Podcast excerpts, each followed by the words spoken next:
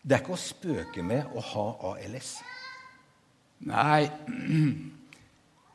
ALS er ingen spøk. Det er en ordentlig drittdiagnose, for å si det sånn. Um, men jeg kan jo gjerne sånn sett være med og fleipe litt om åssen det er når dere skal reise dere og klappe og alt mulig, og jeg sitter der. Jeg kan ikke verken klappe eller reise med. Jeg skulle gjerne ha gjort det, men sånn er det nå blitt. Eh, ALS er noe svineri. Det er jo Det fører til en total lammelse i eh, hele kroppen og alt av organer. Eh, jeg har jo da fått det nå gjennom i bein, armer og greier. Nå er ikke de virksomme til noen ting. Og jeg kan ikke gjøre noen ting lenger. Jeg må ha hjelp til alt. Og, men jeg er jo samtidig heldig, da, fordi at jeg har fått det den veien. Mange får det jo gjennom lunger og, og svelg med en gang, og da, da eh, går det fort utforbakke. Gjennomsnittlig levetid med ALS er tre år. Hvor lenge har du levd etter at du fikk diagnosen? Nå har jeg hatt det i fem år. Og da jeg har kjent deg siden 1976 eh, Jeg måtte snurre litt eh, tilbake igjen for å se hvor lenge siden jeg traff deg første gangen. 1976 gjennom felles bekjente på Sødal terrasse. og vi hadde mye moro sammen en sommer der, og osv. osv. Du, eh, det er snart 40 år siden dette, og eh, det er svært mange som kjenner deg. De kjenner deg gjennom fotball her i byen, altså gjennom idrett. De kjenner deg gjennom det at du har vært lærer ved flere skoler. Du har vært rektor ved et, eh, et par skoler. Du har vært lærer bl.a. på Strømme skole. Eh, og eh, nå er du altså da satt til sides på en måte. Hvordan er det for deg, som var så aktiv på så mange arenaer i så mange år, og så blir du satt til side? Det er veldig rart. Det er det. Og Derfor så syns jeg det er spennende når jeg blir spurt om å komme hit og si litt om eh, hvordan det er å leve med dette. Og det sier jeg ja til i forskjellige sammenhenger der jeg har vært. Fordi at da føler jeg fremdeles at jeg har en stemme. Jeg får sagt litt om hvordan livet er, hvilke utfordringer jeg får. Og også litt om ting som jeg er opptatt av. Hvordan angripe det å være syk. Du har mange venner. Eh, en av dine venner har vi vært og fått en hilsen fra. Skal du se.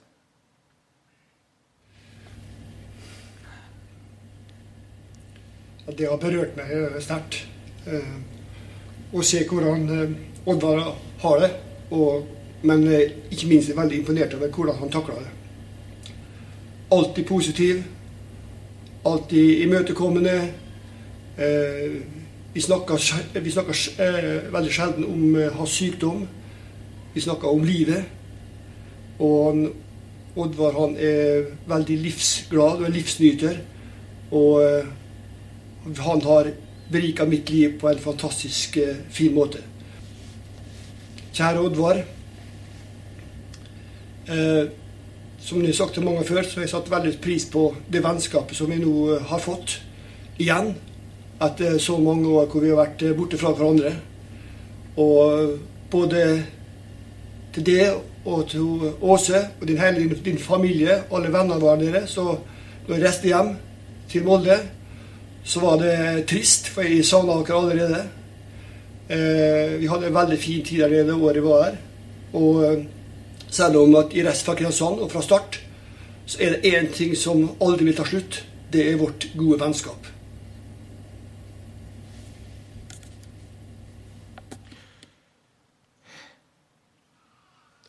Han er en av eh, de som du har møtt regelmessig. Mm. En gang i uka omtrent. Ja.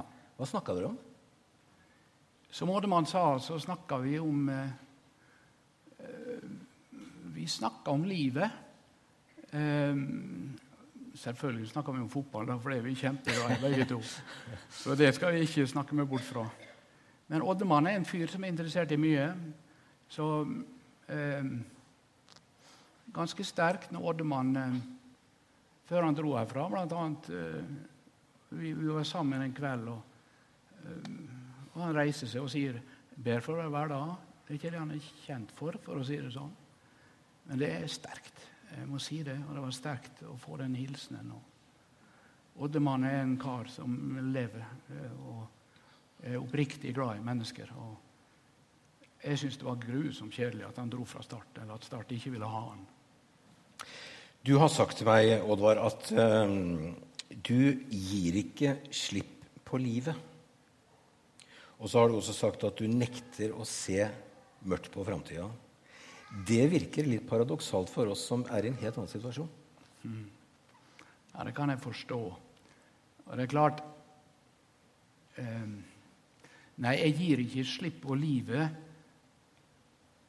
Jeg, jeg har et godt liv. For det første kan jeg jo si det er liten ting knytta til det med sykdommen. Det er ikke en sykdom med smerte. Det er bare det at jeg ikke kan noen ting lenger.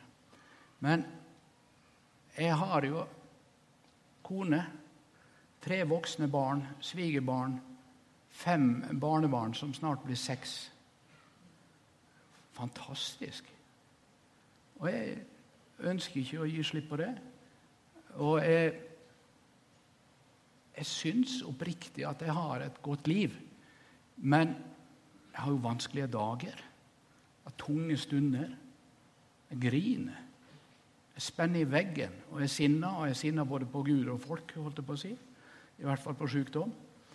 Jeg, men jeg lever ikke i det. Jeg lever i at jeg har masse venner som stiller opp. Kjører bilen min, tar meg med der jeg skal, og får meg med på Og jeg føler jeg tar del i livet. Ole Paus har sagt at uh, vi trenger en himmel over våre liv. Og så sier du at uh, du har også dager hvor det er helt blått på himmelen. Når er det, og hvordan er det? Det er jo bl.a. en sommerdag på hytta når jeg er omgitt av familien min, barnebarn. Eh, de jeg eh, kan se de bader i bukta. De kommer med de voksne som er her, som kan hive meg opp i en eh, båtpresenning og lempe meg på vannet så jeg får bada litt. Da er det mye blå himmel. Og de setter meg på en plastikkstol ute i bukta, og jeg blir vaska. Før de bærer meg inn igjen og setter meg opp i den vanlige rullestolen. Eh, så jeg sier ofte det, og det er et bilde jeg bruker, det at jeg, jeg Ja, jeg har eh, en mørk sky i livet. Noen ganger er hun beksvart. Noen ganger er han ganske så lys. Men jeg har fremdeles mest blå himmel. Men hvordan kan du si det? Altså, hvordan kan du si det at du har mest blå himmel eh, over ditt liv? Og Jeg ønsker ikke det skal være sånn lettvint. for Jeg presiserer det, at det er absolutt tunge dager òg. Men jeg, jeg, føler det sånn. Jeg har lagt også mitt liv i Guds hender. Um, like etter at jeg jeg ikke like etterpå. Det var faktisk den dagen vi skulle flytte fra huset som vi måtte flytte fra pga. denne sykdommen. Så har jeg besøk en prest, Theis Salvesen, som eh, Og jeg trengte å spørre han litt, for det er klart vi snakker om helbredelse og bønn. Og, ja, hva ser jeg av det? Og jeg er klart jeg blir frustrert. Hvorfor kan ikke det skje meg? Og, og, vi snakker om det å gå til eh, folk som eh, vi betaler penger for, som kan be for meg. Noe jeg ikke helt har forstått. Men, eh, for, men når Theis Salvesen er på besøk hos meg, så spør jeg han om sånne ting. Og Vi hadde en god samtale om det. Så sier han til slutt at da tok han på seg prestekraven og glatta på håret. Jeg satt ute i hagen, og så legger han hånden på hodet mitt, og så leste han velsignelsen. Og så sa han etterpå Oddvar, nå har vi lagt dette i Guds hender, og det beste stedet vi kan legge det. Det er liksom det han har fortsatt å, å leve i. Det er for meg Jeg ble på en måte rolig da. Og så må jeg ta de utfordringene som kommer, og noen dager blir de sikkert kjempestore. Det er ikke noe småtteri en har i vente med ALS. det vet jeg jo. Nei, altså for det er jo ingen tvil om at denne sykdommen den vil ramme deg hardere og hardere. Ja. Det blir tøffere og tøffere. Mm. Du ser de rundt deg. Barn, altså Åse, kona di, barna dine, barnebarna dine. Hva tenker du om det? Nei, akkurat det er jo Da skjelver jo stemmen med en gang. For det er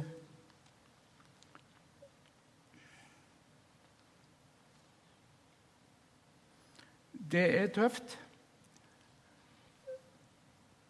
Men eh, så kan jeg jo se på alt det gode det gir meg. For tenk på det at jeg får ha det sånn. Jeg har fem barnebarn på Hånes som løper ut og inn hos meg.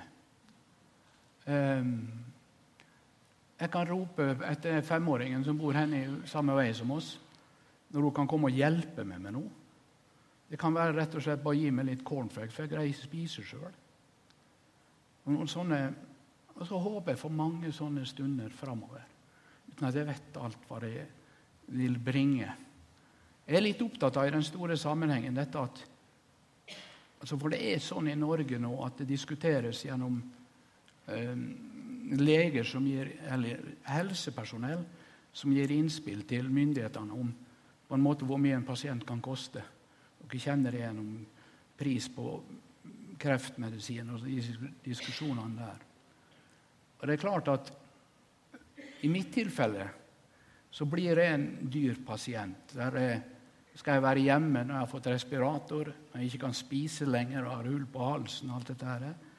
Da krever det mange mennesker som tar passe på meg. Og da må jeg på institusjon, sånn som det er i Kristiansand. Fordi at det, det hevdes gjerne at da er ikke livskvaliteten større. Kan, eh, og kanskje han ikke er det, men jeg håper så inderlig at jeg sjøl kan få være med og ha en stemme over hva som er livskvalitet for meg. Eh, det er jeg opptatt av. Og livskvalitet nå. Og tanken på det var det vi starta med. Samværet med mine nærmeste, men også venner. Du sier at du har lagt dette i Guds hender. Men klandrer du Gud for at du har fått dette? Det er klart jeg har gjort det. Men samtidig som Jeg gjør ikke det i det daglige, nei. Hva gjør du da? Takker du, kan du takke for en dag? Å ja, ja da.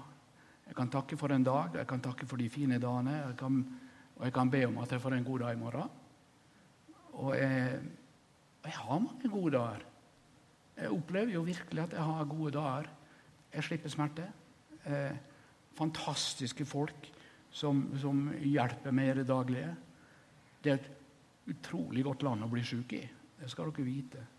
Det står en del andre historier, men min erfaring er Ehm, det er hjemmesykepleien som vekker meg om morgenen, og som kler meg og steller meg og vasker meg og gir meg frokost og greier. og passer på meg utover dagen. Det er bare engler. Jeg får det utstyret jeg trenger. Jeg får de hjelpemidlene jeg må ha. Eh, og de er det mange av. Og alt dette er jo med å gi meg gode dager oppi alt det som og jeg vil ikke snakke bort utfordringene. det er ikke det. Jeg vil ikke gjøre det sånn billig enkelt. For det er ikke det. Det er masse utfordringer. Um, tida vår har gått egentlig nå. Så fort gikk det, Oddvar. uh, men eh, det er mange, tror jeg, som, som har deg som en helt. og som opplever, altså som har kjent deg i årevis, og som ser på deg og hører deg si dette, og som er imponert. Hva tenker du om det?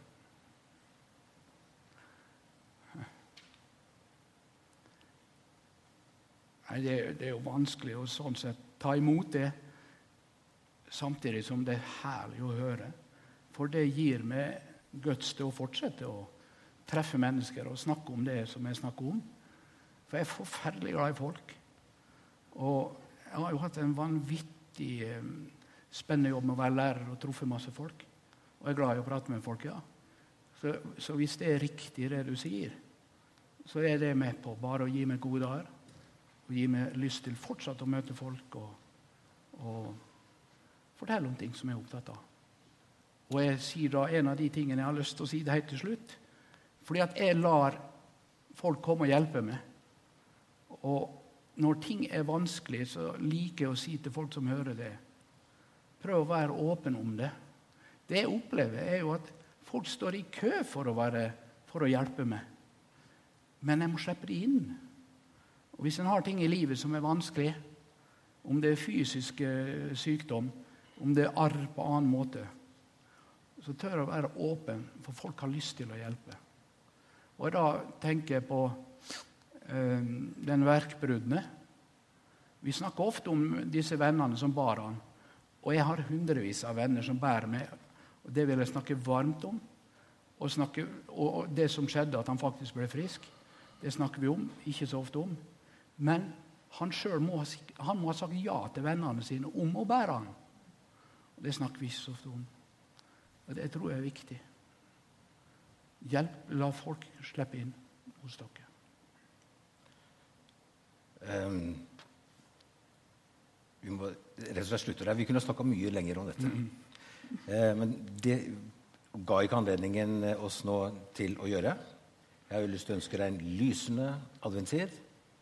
Det får jeg. Med, med familie, barn, barnebarn og mor Åse. Og takk for at du kom. Applaus til Oddvar.